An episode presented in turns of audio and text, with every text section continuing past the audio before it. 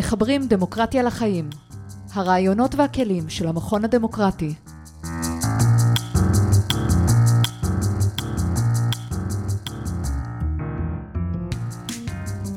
שלום לכן, שלום לכם, אנחנו בפודקאסט חדש של המכון הדמוקרטי.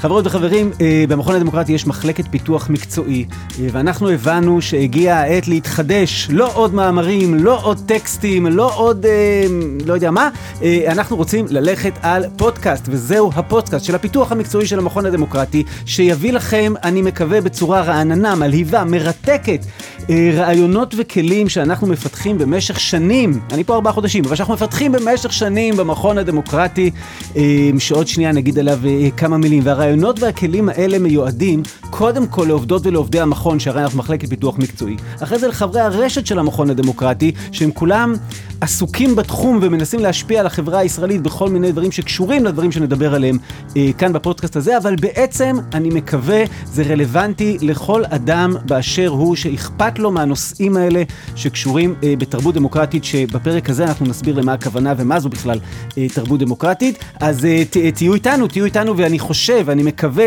שיהיה מעניין. אה, אני אגיד לכם כמה מילים על המכון, כמה מילים על הרשת הזאת, אה, ואז אני אציג לכם את אה, האורחים שלנו לפרק הראשון, וזו הולכת להיות הפתעה מרהיבה מהאורחים שלנו לפרק הראשון. אז המכון הדמוקרטי, גוף שקיים משנת 1998 ולפי גרסאות אחרות משנת 1995, ונקרא בעבר המכון לחינוך דמוקרטי, והוא עוסק בלנסות לחבר דמוקרטיה לחיים. מה זה אומר? אנחנו בעצם נסביר במהלך כל הפרק, אבל אנחנו לא הולכים לדבר על המכון במהלך הפרק, אנחנו הולכים לדבר על רעיון העומק של לחבר דמוקרטיה לחיים, לכן זה לא השלב שאתם צריכים כרגע אה, לנתק, אלא להישאר איתנו. אה, ובין היתר למכון יש גם רשת, רשת של אנשים שרובם הגדול הם פשוט בוגרים של המכון, שלמדו במסלולים אקדמיים של המכון, או במסלולי פיתוח מנהיגות של המכון, שיש כמה וכמה כאלה, אה, ו... ו הרשת הזאת היא פועלת בכל הארץ, והפודקאסט הזה, אני מקווה, יוכל גם לשרת את הרשת. המטרה של כולנו זה מה שכיניתי בסיסמה לחבר דמוקרטיה לחיים, ואנחנו נפרק את זה ונדבר על זה לעומק אה, כאן בפודקאסט. בפודקאסט הזה יש מערכת שעובדת ועמלה מאחורי הקלעים. במערכת הזו חברים אה, יולי, שהיא מנהלת אה, תוכנית ארצית במכון בשם אה, אה, חלוץ ארצי, מנהלת אותה יחד עם חלי, ויולי היא גם חלק ממערכת הפיתוח המקצועי של המכון. אה, יש לנו את אפרת, שהיא מנהלת כל תחום המו"פ והידע בתוך המכון, ואת נטע, שהיא גם מנהלת השיווק וגם מנהלת הרשת. אז זו המערכת שלצידי, ואני ליאור טל שדה. לא אמרתי את זה עד עכשיו, נכון? אני ליאור טל שדה, שלום, נעים מאוד. אה, אני מנכ"ל שותף של המכון הדמוקרטי, יחד עם סיגל וסר הנהדרת, שנגיד עליה עוד מעט כמה מילים.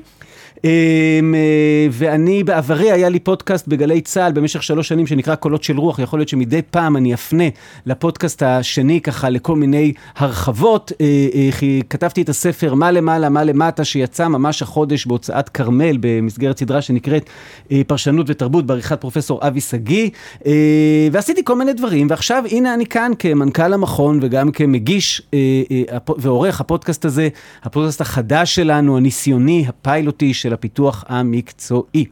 אה, אנחנו ננוע בפודקאסט הזה בין רעיונות ורוח לבין כלים. זאת אומרת, אנחנו נרצה גם לדבר על מה שעובד מאחורי הכלים, כפי שנעשה היום, אבל גם אנחנו נביא לכם ממש אה, תיאוריות חדשניות.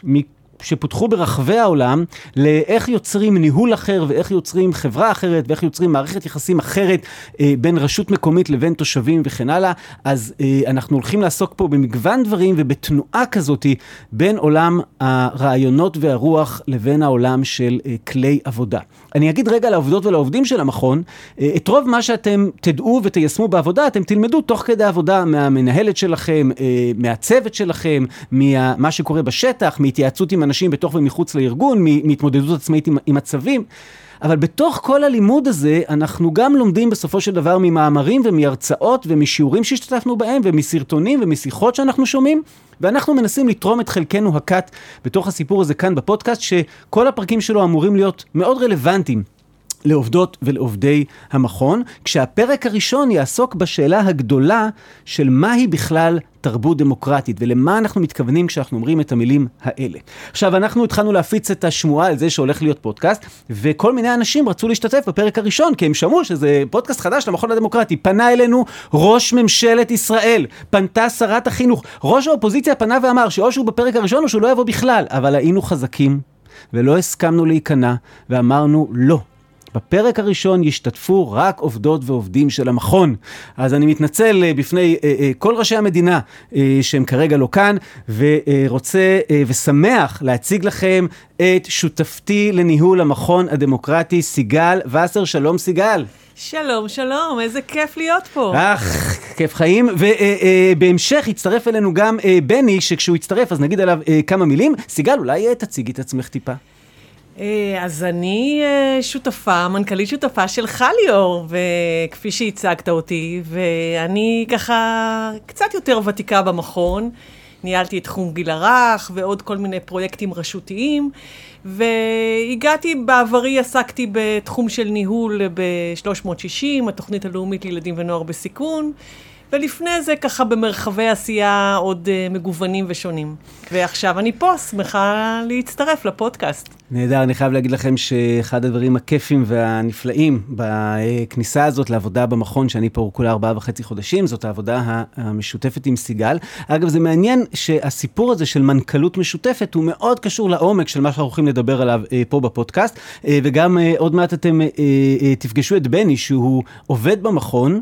והוא גם חבר הנהלה במכון. עכשיו, למה שעובד שאינו מנהל יהיה חבר הנהלה? זה גם חלק מהסיפור של השינוי, השינוי העומק שאנחנו עושים בתוך אה, אה, עולם הניהול ועולם הארגונים, אבל אלה דברים שעוד נגיע אליהם כשנעסוק אה, בחלק מהפרקים אה, בשינויי עומק בתוך עולם הניהול, מניהול היררכי לניהול דמוקרטי. אבל אנחנו רוצים להתחיל ולדבר בכלל על מהי תרבות דמוקרטית, ואני אתחיל בספוילר. תרבות דמוקרטית זה לא מה ש... סליחה, אנחנו מתכוונים במילים תרבות דמוקרטית לא למה שרובכם ודאי חושבים. זאת אומרת, אין פה ניסיון לדבר על תרבות שבה הרוב מכריע. הכרעת הרוב היא לא הסיפור של תרבות דמוקרטית אה, לפי התפיסה של המכון, ואני אגיד פה שלדעתי זה לא רק לפי התפיסה של המכון, זאת אומרת, בעומק הדמוקרטיה הכרעת הרוב היא אילוץ. הכרעת הרוב היא איך הדמוקרטיה פותרת את הבעיה של חוסר הסכמה. אבל אם אפשר היה להגיע דרך איזושהי שותפות עומק, שעוד מעט נדבר עליה, להסכמה, או לכמעט הסכמה, אז לא היה צריך כל הזמן לשלוף את הכלי הזה של הכרעת הרוב. אז אנחנו לא הולכים לדבר על הכרעת הרוב, אנחנו לא הולכים לדבר על איזושהי פרוצדורה עבשה כזאת שמכנים אותה דמוקרטיה, אנחנו גם לא הולכים לדבר על המחלוקות הרגילות של ימין ושמאל פוליטי וכאלה, אנחנו הולכים לדבר על משהו אחר שמהווה, או יכול להוות, אה, שינוי תרבותי משמעותי בחברה הישראלית. והדבר הזה בנוי מארבעה עקרונות. עיקרון ראשון, דיאלוג בין פרט וקבוצות. עיקרון שני, השתתפותיות. עיקרון שלישי, אחריות הדדית בין פרט וקהילה. ועיקרון אה, רביעי, מעורבות חברתית פעילה. אוקיי, okay, אז בואי רגע ננסה לפרק את זה, נתחיל לדבר על הדברים ככה אה, בזה. אנחנו אומרים, העיקרון הראשון, בעצם אנחנו רוצים ליצור פה חברה שהיא הרבה יותר דיאלוגית. הרבה יותר דיאלוגית, אולי שווה רגע לעצור ולהגיד ככה, דיאלוג זה לא הסיטואציה שבה כמה אנשים מדברים. כי יכול להיות שכמה אנשים מדברים ומה שיש זה אוסף של מונולוגים. יכול להיות שכמה אנשים מדברים ואנחנו לא באמת מקשיבים אחד לשני. יכול להיות נדיר שכמה אנשים מדברים ואנחנו רוצים לנצח בוויכוח. ואנחנו לא מדברים על זה, אנחנו מדברים על דיאלוג. זאת אומרת, איזשהו מקום שאני בא בלב פתוח, פוגש אדם ששונה ממני, לפעמים הוא שונה ממני באופיו, לפעמים הוא שונה ממני באמונות שלו, בדעות שלו, בחברה שבה הוא גדל. אני פוגש אדם ששונה ממני, ואני באמת רוצה רגע ללמוד ממנו, ואני באמת רוצה להיפתח אליו, ואני באמת רוצה שהוא ילמד ממני. זאת אומרת, דיאלוג, יש פה בעצם איזושהי הזדמנות לצמיחה. בדיאלוג יש הזדמנות ל... הולך לקרות כאן משהו שיכול להיות משמעותי. לפעמים זה מפחיד. נכון? כי, כי אה, אני נכנס לדיאלוג, אני יודע איך אני נכנס, אני לא יודע איך אני יוצא. יש סיפור חביב שאני אוהב לספר אותו אה, הרבה פעמים, ש...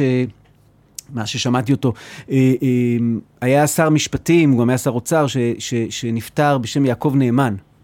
אה, והוא פעם ישב בראש השולחן הגדול הזה במשרד המשפטים באיזושהי ישיבה חשובה ונאם איזה נאום, וכשהוא סיים הוא, הוא כזה דפק על השולחן ו- ואמר, זה מה שאני חושב. ו- ואז מי שישב לידו, שאני לא יודע אם זה המנכ"ל המשרד או הסגן, מי שישב לידו אמר, כבוד השר, אני מסכים לכל מילה שאמרת. ויעקב נאמן ענה לו תשובה גאונית. הוא אמר לו, אם כך, מישהו משנינו מיותר כאן. הדיאלוג הוא, הוא מחפש מחלוקת, הוא מחפש רגע שנזין אחד את השני, הוא מחפש רגע שנלמד אחד מהשני, הוא לא פוחד מהמקום הזה של שונות, אלא אפשר להגיד שהוא חוגג את השונות. ואחד העקרונות של המכון זה לנסות להשפיע על החברה הישראלית להיות יותר דיאלוגית. אמ, אני, אני, אם זה בסדר, אני אקריא רגע קטע קצר שקשור בזה, כי דיאלוג זה נושא שאני מאוד מחובר אליו, אמ, וזה גם קשור לזה שפשוט אנחנו מקליטים את הפודקאסט ממש יומיים אחרי יום השואה. ואני רוצה איזה סיפורון קצר, נעשה את זה זריז. אמ, אה, היה פילוסוף אה, גרמני בשם קרל יספרס, אה, שברח לו מגרמניה אה, בזמן המלחמה, הוא היה גם נשוי ליהודייה, הוא היה אה, פעיל אנטי-נאצי, ויספרס אחרי המלחמה חוזר לגרמניה ועושה הרצאה לגרמנים. בגרמניה, חודשים ספורים אחרי השואה, על מושג האשמה ועל השאלה במה הם אשמים, מי אשם, איך... עכשיו, זה, זה נושא מורכב ורחב, לא ניכנס היום למושג האשמה, אבל הוא מתחיל את ההרצאה הזאתי בלהגיד להם משהו על איך מדברים, בלנסות להזמין אותם לדיאלוג. אז אני רוצה מתוך זה להקריא ממש קטעים קצרים. אין קל מלהשמיע בלהט שיפוטים נחרצים. קשה יותר לבחון דברים בשלווה. אין קל מלקטוע תקשורת בטענות מתריסות. קשה יותר לבחון טענות המועלות בלי הרף ולרדת לחקר האמת. אין קל מלבחור בדעה ולהיאחז בה כדי להימנע מן הצורך להמשיך ולחשוב. קשה יותר להתקדם צעד אחר צעד ולעולם לא להתנגד לשאלות נוספות. אני מדלג קצת. איננו רוצים לבוא לידי כעס איש על רעהו, אלא לנסות למצוא את הדרך יחדיו. איננו רוצים להכות על חזנו באורח פתטי כדי להעליב את האחר. איננו רוצים לשבח בסיפוק עצמי, דבר שאין הכוונה בו אלא לצער את הזולת. מנגד, אסור שיהיו מחסומים שהם פרי איפוק מתחשב, חמלה שהיא פרי הסתרה, נחמה שהיא פרי הולכת שולל. אין שאלה שאסור להעלותה. בשיחה כזאת אין איש יושב למשפט על חברו.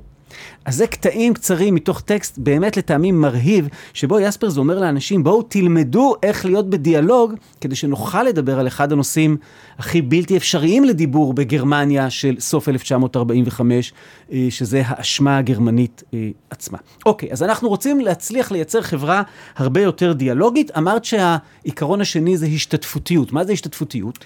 השתתפותיות זה עיקרון מקסים, זה עיקרון שמאפשר לפרטים לפרט בודד או למספר פרטים, להשפיע בעצם על אה, מרחב החיים שלהם. עכשיו, אם אני, זה, זה רלוונטי למרחבי חיים שונים. אם אני בגן, אז היכולת של ילד להשפיע על מה שקורה ב, במהלך היום שלו, על מה לומדים, איך לומדים, איפה נמצאים. כאילו ילד בן ארבע אמור להשפיע? כן, מדהים. כן, מדהים. הוא יכול, אה, אפשר לחגוג את אה, חג ה... חג העצמאות באופן שכולם מכירים, ואפשר אה, לחשוב מה זה עצמאות בשביל הילדים של הגן הספציפי הזה. ולדבר איתם רוצים... על זה ולעשות איתם פעילות שתגרום להם... אה, לגמרי, ולתת להם להיות שותפים אפילו לקבוע את מהלך החגיגה. ואיך זה עם מבוגרים? נגיד, אני סתם, אני גר ברמת גן, אין לי איזה... אני הולך לעבודה בבוקר, אני חוזר אחרי הצהריים, איך אני שותף להחלטות של העיר? זהו, אז כדי שפרט או פרטים במרחבים, במרחבים שונים יהיו, יהיו שותפים וישפיעו על מרחב החיים שלהם, צריכים להתקיים כמה דברים. בעל הכוח או בעל המוביל, הסמכות הרשמית, הסמכות הרשמית, okay. כן. מי שמוביל, מנהל, צריך uh, לחשוב ולרצות בשיתוף הזה, בהשתתפותיות הזאת. הוא צריך שהעמדה הפנימית שלו תהיה שלפרטים השונים במערכת שהוא מוביל יש ערך, יש ייחודיות שהוא יכול להתערם ממנה. והוא בעצם אמור לייצר הזדמנות להשתתפותיות, כי ברגיל אין את ההשתתפותיות הזאת. אנחנו יודעים שמערכות uh, פועלות ביעילות כשמישהו מחליט ומישהו מקבל את ההחלטות ומבצע אותן. ההשתתפותיות היא מבקשת איזושהי השתנות, ולכן בעל הסמכות חושב ורוצה ב, אה, ב, בשמיעה, בהקשבה, ב, ב, בשותפות של בעלי העניין, הוא יוצר להם הזדמנות להשתתפותיות, והפרטים השונים לוקחים את ההזדמנות הזאת ומשמיעים את קולם. ומה קורה? מה קורה בזכות ההשתתפותיות הזאת? מעבר לזה שהרבה פעמים התוצר שיוחלט, שייבנה במשותף עם כל בעלי העניין, ייתן לנו, יביא לנו לתוצאה טובה יותר, מדויקת יותר, בטח רלוונטית יותר. אה, כי אנחנו יודעים שרוב הבעיות שלנו בעולם היום הן בעיות מאוד מורכבות, בעיות אדפטיביות, שהן לא, פתרון טכני של אה, מומחה אחד לא עוזר לפתור אותן בצורה הטובה ביותר. ולכן סביר להניח שהפתרון יהיה טוב יותר, מיטבי יותר לכל השותפים. מעבר לזה, ההשתתפותיות עצמה נותנת, נותנת פירות משל עצמם. פירות של שייכות, תחושת בעלות. תחושת משמעות. תחושת משמעות, תחושת אחריות לתהליך עצמו. כן, אבל אולי אני רק נעיר פה בכוכבית שכל זה קורה כשעושים את זה כמו שצריך ובצורה מקצועית. כי בכלי של השתתפותיות התעללו הרבה מאוד ועשו אותו בצורה לא מקצועית ולא כמו שצריך, ואז זה גם יכול לייצר נזק, זה יכול לייצר את ההפך. אז אנחנו במהלך הפרקים של הפודקאסט ממש נעסוק בזה, נביא כלים של השתתפותיות, נדבר על איך עושים את זה כמו שצריך. העיקרון השלישי, אמרנו יש דיאלוג, אמרנו יש השתתפותיות, והעיקרון השלישי היה מעורבות חברתית, אנשים שיהיו פשוט יותר אקטיביים, יותר מעורבים. זה נשמע מאוד אה, כמעט נובע גם מהדיאלוג וגם מההשתתפותיות, נכון? אם אני לא מעורב חברתית, אם אין לי את הרצון, את המוטיבציה, את, ה, את התחושה הזאת שאני רוצה להשפיע על מה שקורה, אז זה, אז זה לא ילך. אה, והכלי, אה, וסליחה, והעיקרון הרביעי שדיברנו עליו, הוא במובן מסוים תוצר של שלושת הראשונים, וזה אחריות הדדית, גם בין הפרט למערכת, וגם בין הפרטים לבין עצמם, זאת אומרת סוג של ערבות הדדית. אולי, אולי נגיד על זה כמה מילים. מה זה אחריות הדדית? אחריות הדדית זה בעצם שינוי חוקי המשחק, זה, זה שינוי היחסים. זה כמו, אה, אה, כמו שאמרת, הרבה פעמים זה תוצר, כי אם אה, אני כמובילת מערכת מקיימת דיאלוג עמוק עם כל השותפים שלי, ובאמת מתעניינת במה שהם חושבים, ויוצרת להם מרחבים להשפיע, לא רק להשמיע, אלא גם להשפיע, נוצרת מערכת, נבנית מערכת יחסים חדשה ביני לבינם. ההתעניינות הזאת, המעורבות הזאת, היא יוצרת איזושהי מחויבות מצידי כלפי, כלפיהם, ומהם אליי. ואותה אה, אה, אחריות ומעורבות והתעניינות הדדית יוצרת יחסים חדשים. כן, אני חושב שהמילה אחריות היא מילה כבדה. כאילו, אחריות זה דבר רציני מאוד. יש, יש איזה קטע יפה שמנתחים את המילה אחריות בעברית, עכשיו תדמיינו רגע את המילה, שימו אותה מול עיניכם, את האלף, ח', ר', י', ו', ת', אז אומרים שאחריות זה מאלף עד ת', שאחריות היא כלפי האח, א', ח', היא כלפי האחר, א', ח', ר', היא לפעמים אומרת להגיד אחריי, א', ח', ר', י', ולפעמים אומרת להגיד אחריו. וזה ניתוח מאוד יפה של המילה, רק אנחנו מוסיפים לה משהו. כי לפעמים אחריות אומרת ביחד. היא אומרת לא אחריי, לא אחריו, אלא אחרינו. היא אומרת ביחד, וכשנוצרת אחריות הדדית, קורה דבר משמעותי. עכשיו רגע אני מזמין את המאזינות ואת המאזינים לעצום את העיניים ולדמיין חברה שפועלת ככה. היא פועלת מתוך דיאלוג בין השונים שבתוכה, שבדיאלוג הזה מנסים ללמוד אחד מהשני, להיבנות אחד מהשני, לצמוח אחד מהשני. היא פועלת עם איזושהי אה, השתתפותיות עמוקה בתהליכי קבלת החלטות. כשמשהו קורה באזור שלי ואני רוצה להשפיע עליו, אני יכול להשפיע עליו. היא פועלת בזה שאנשים אכפת להם, הם מעורבים חברתית, וה... צורת ההתנהלות הבסיסית זה מצב שבו אני חש אחריות כלפייך, את חשה אחריות כלפיי, אני חש אחריות כלפי העירייה, העירייה חשה אחריות כלפיי, אני חש אחריות כלפי המדינה, המדינה חשה אחריות כלפיי. האזור הזה של אחריות הדדית, וזה בעצם החזון הזה של תרבות דמוקרטית. אבל כל התיאור הזה אולי אה, מורכב מדי, אולי הוא בשפה גבוהה מדי. אה, פנינו לעובדות ועובדי המכון ושאלנו אותם מהי תרבות דמוקרטית בשבילם. והתשובה של אביבית גפני, אה, מנחה במכון, הייתה מעניינת במיוחד. תרבות דמוקרטית היא מבחינתי לריב נכון, לריב בכיף. כשאני יודעת שהמילים לריב או נכון או בכיף לא בדיוק גרות אה, אחת עם השנייה. אבל בסופו של דבר, גם כשאני כועסת או גם כשאני רוצה להשיג משהו, תמיד יש איזה צעד נוסף שצריך להסתכל גם מנקודת המבט שלו, לשים עוד עדשות חוץ מאת העדשה שלי, ולראות בסופו של דבר איך אנחנו נשארים ומכבדים אחד את השני. כמו שאמרתי, לריב בכיף. אה, אני אגיד לכם שלפעמים אנחנו אה, ניגשים, אנחנו רוצים להגשים את החזון הזה בכל החברה הישראלית, אה, ומופנית כלפינו טענה, שהטענה הזאת אומרת שהחזון של חברה הרבה יותר דמוקרטית הוא נבנה והוא מתאים לחברות ליברליות מאוד, חברות חילוניות יותר, חברות ככה שאני יודע, הם, הם, אין להם איזה דבר שהם רואים אותו בתור סמכות קדושה שמחייבת אותם, חברות שיש בהן הרבה יותר פתיחות, שאין בהן סגירות וכן הלאה. וזה מעניין רגע לדבר על זה עם מישהו שבא עמוק מתוך החברה החרדית, כי הוא אדם חרדי, הוא לא רק בא מתוך החברה החרדית, והוא גם מנחה במכון, שזה שילוב...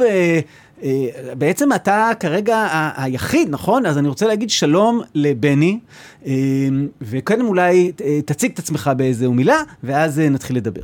אז שלום, אני בני, בני פריץ, תושב רחובות. חלק מהחברה החרדית, בוגר מערכת החינוך החרדית. וחרדי. ולפני כמה שנים נתקלת במכון והגעת אלינו? אני במכון נראה לי שנה שישית. וואו. הגעתי דרך חבר שהיינו ביחד בקורס גישור משותף לחרדים חילונים ברחובות, שהוא היה עובד במכון, והוא הציע לי להנחות אז במכון החינוך דמוקרטי, והתגובה הראשונה שלי הייתה, מה זה? אז כשהוא הסביר לי, אמרתי, או, זה נראה בדיוק מעניין לדברים שאני אוהב. אז מעניין. תראה, אז אתה בעצם עמוק בשני העולמות, נכון? גם בחברה החרדית וגם במכון ובכל מה שאנחנו עושים במציאות הישראלית.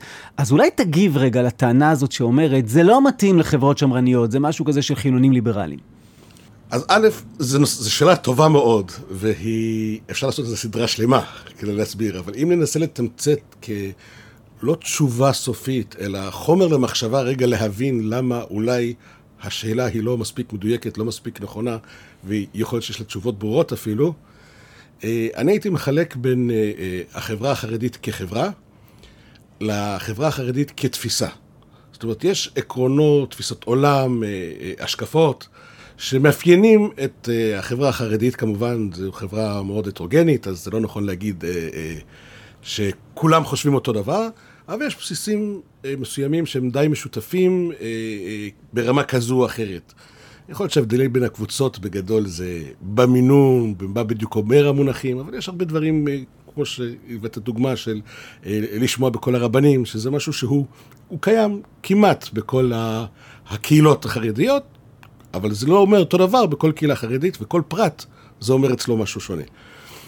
זה קשור לתפיסה. יש גם את המבנה של החברה כחברה, שהיא בנויה בצורה די שמרנית, אה, אה, הייתי אומר, מנסה להיות די מלוכדת, אה, אה, ושם השאלה היא יותר טובה. זאת אומרת, שם בעיניי אה, היא, היא, היא קצת פחות אה, מתאימה לדמוקרטיה, נקרא לזה, לתרבות הדמוקרטית. אה, לעומת התפיסה, ששם אני רואה הרבה מכנים משותפים, אני רואה הרבה אה, אה, מהעולם הדמוקרטי שיכול לשרת את התפיסה היהודית החרדית, ולהפך, שזה בכלל אף אחד לא מדבר על זה, שהרבה דברים מתוך העולם התפיסה החרדית יכול בהחלט לשרת את העולם הדמוקרטי, אבל זה... ומה זה אולי אם זה בסדר שאלה אישית, לשאול בשבילך, כאילו שהחלטת, אני הולך לעבוד בלייצר תרבות דמוקרטית, או...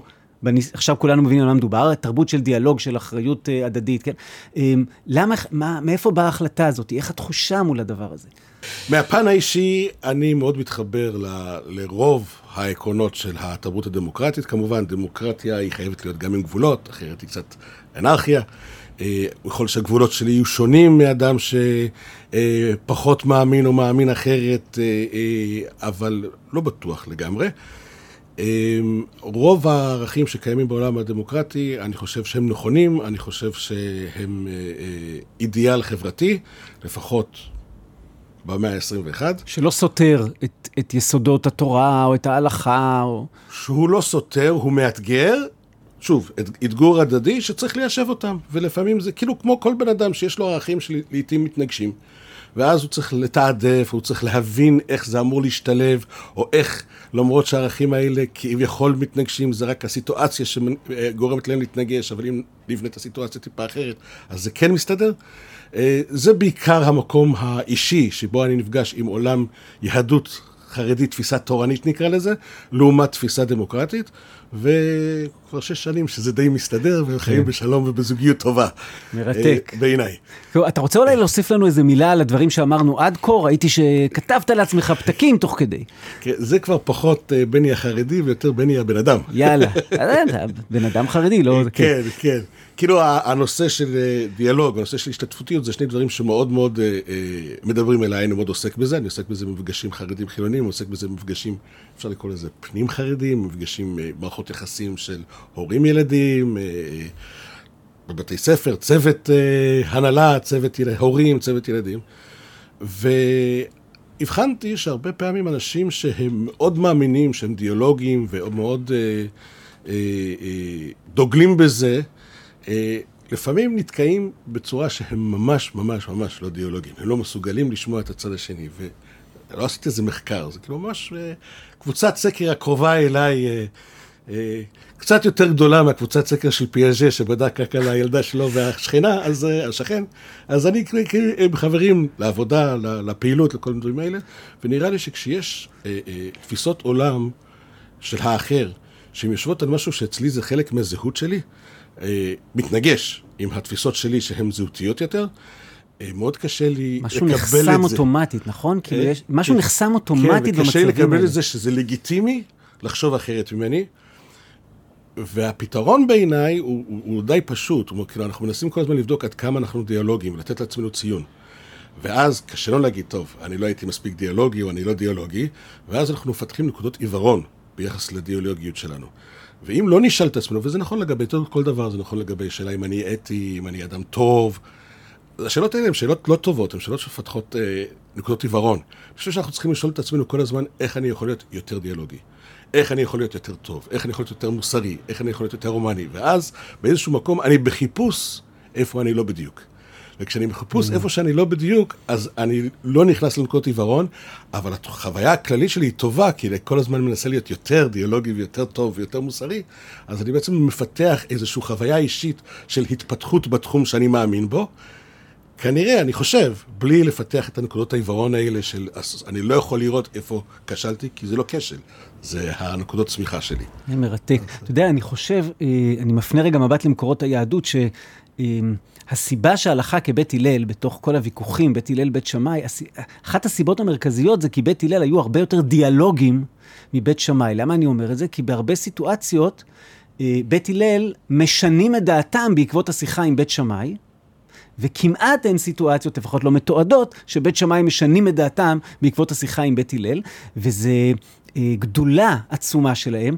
יש גם קטע שאני מאוד אוהב ברמב"ם, בהקדמה שלו לפירוש המשנה, שהוא אומר שם, כשאתם נמצאים, אני אגיד את זה בשפה שלנו, כשאתם נמצאים בתוך ויכוח, תחשבו רגע עכשיו איפה הסיפור הוא אגו ולנצח בוויכוח, ואיפה אתם נמצאים כרגע באמת בתוך שיחה מלמדת. וכשאתם קולטים שכרגע זה אגו מנצח בוויכוח, תשמטו, תעצרו רגע. עכשיו תבחנו את הדברים ממקום אה, הרבה יותר נקי, והרבה מובנים זה מה שאנחנו מנסים לעשות בתוך העולם הדיאלוגי הזה. אז אנחנו אומרים, אנחנו מנסים לתרום ליצירתה של חברה שיש בה הרבה יותר דיאלוג, השתתפותיות, מעורבות חברתית, ובסופו של דבר אחריות הדדית, גם בין הפרט לבין המערכת, וגם בין הפרטים אה, לבין עצמם. ואני אגיד שהמכון חיפש את הדרכים הכי טובות לעשות את זה, אז נגיד על רגל אחת, אה, שהוא גם בחר בשני מרחבי פעולה, והוא גם בחר אה, שלוש אסטרטגיות של... אה, את מה תוקפים במרכאות, או איפה, איפה עובדים. אז מרחבי הפעולה שהמכון בחר הם בעיקר מערכת החינוך ומערכות השלטון המקומי. אלו שתי המערכות שאנחנו פועלים בהן המון, אז לא נתחיל עכשיו לפרט, אבל שאנחנו פועלים בהן המון. והיו שלוש אסטרטגיות פעולה. אסטרטגיה אחת אומרת, בואו נעבוד עם מנהיגות דמוקרטית, וגם נייצר מנהיגות דמוקרטית, וגם נשנה את עצם המונח של מהי מנהיגות, אבל כל עולם המנהיגות. אסטרטגיה שנייה אמרה, עבודה על דמוקרטיזציה של מערכות שקיימות היום בתוך החברה הישראלית. והאסטרטגיה השלישית היא הקמה של רשת שאנחנו מכנים אותה הדמוקרשת, כי אנחנו מגניבים. אה, הקמה של רשת שבעצם אה, מנסה לאגד את כל האנשים האלה שחשוב להם ליצור חברה כזאת, ומנסה להבין איך עובדים עכשיו אה, ביחד. סיגל, אולי את יכולה להגיד לנו מילה על, ה, על השיטה שבה עושים את זה, שקשורה בעצם להזדמנות, חוויה ואחריות. זה כבר קצת הרבה לקלוט בפרק אחד, אבל ככה על רגל אחת ועוד נחזור על זה בפרקים אחרים. למה הזדמנות, חוויה ואחריות? מה, מה הקטע? הזדמנות, חוויה, אחריות זה בעצם התשתית, הבסיסים של תהליך השינוי שאנחנו מובילים. כמו שאתה אמרת, יש לנו, אה, בחרנו שלושה ערוצים לשינוי, להוביל את תהליך השינוי, או לעבוד עם המנהיגות, או על המערכת עצמה, או ב- להסתייע ברשת. אבל איך אתה יוצר את השינוי? איך אתה מעביר אדם מתפיסה מסוימת לתפיסה אחרת, ולא רק לתפיסה, גם למעשים. ההבנה שלנו של תרבות דמוקרטית זה משהו שאתה צריך קודם כל לחוות אותו. כלומר, זה לא, זה נכון שאנחנו מנסים בפודקאסט הזה קצת להסביר, אבל אולי זה כדי שתהיה הבנה יותר של מה שאני אחווה אחרי זה. זאת אומרת, אם יש לי הזדמנות לממש את הדברים האלה, אני חייב גם אה, לקבל איזושהי חוויה שתיכנס פנימה, שאני ארגיש מה זה אומר, אני לא רק אחשוב, אני לא רק אדקלם, אני לא רק ארצה, נכון. אני ארגיש מה זה אומר. נכון, לגמרי, וגם אם אני כמובילה ארצה שאתה תעביר את זה הלאה ותעביר את ה... תוביל את השינוי, את אותו שינוי שאנחנו כולנו אה, מייחלים לו הלאה, אני חייבת ליצור לך הזדמנות לחוות את החוויה הדמוקרטית. אחרי שאתה תחווה את החוויה הזאת, שזו חוויה מאוד מיוחדת, ואני בטוחה שלכל המאזינים שלנו יש אה, רגעים כאלה שהם הרגישו שהם השפיעו, רגעים כאלה שהם הרגישו שהאחר התעניין בהם, ובאמת הסכים לשנות את דעתו ולשנות את, תפיסתו בעקבות שיחה איתם, רגעים שהם אה, אה, עשו משהו מחוץ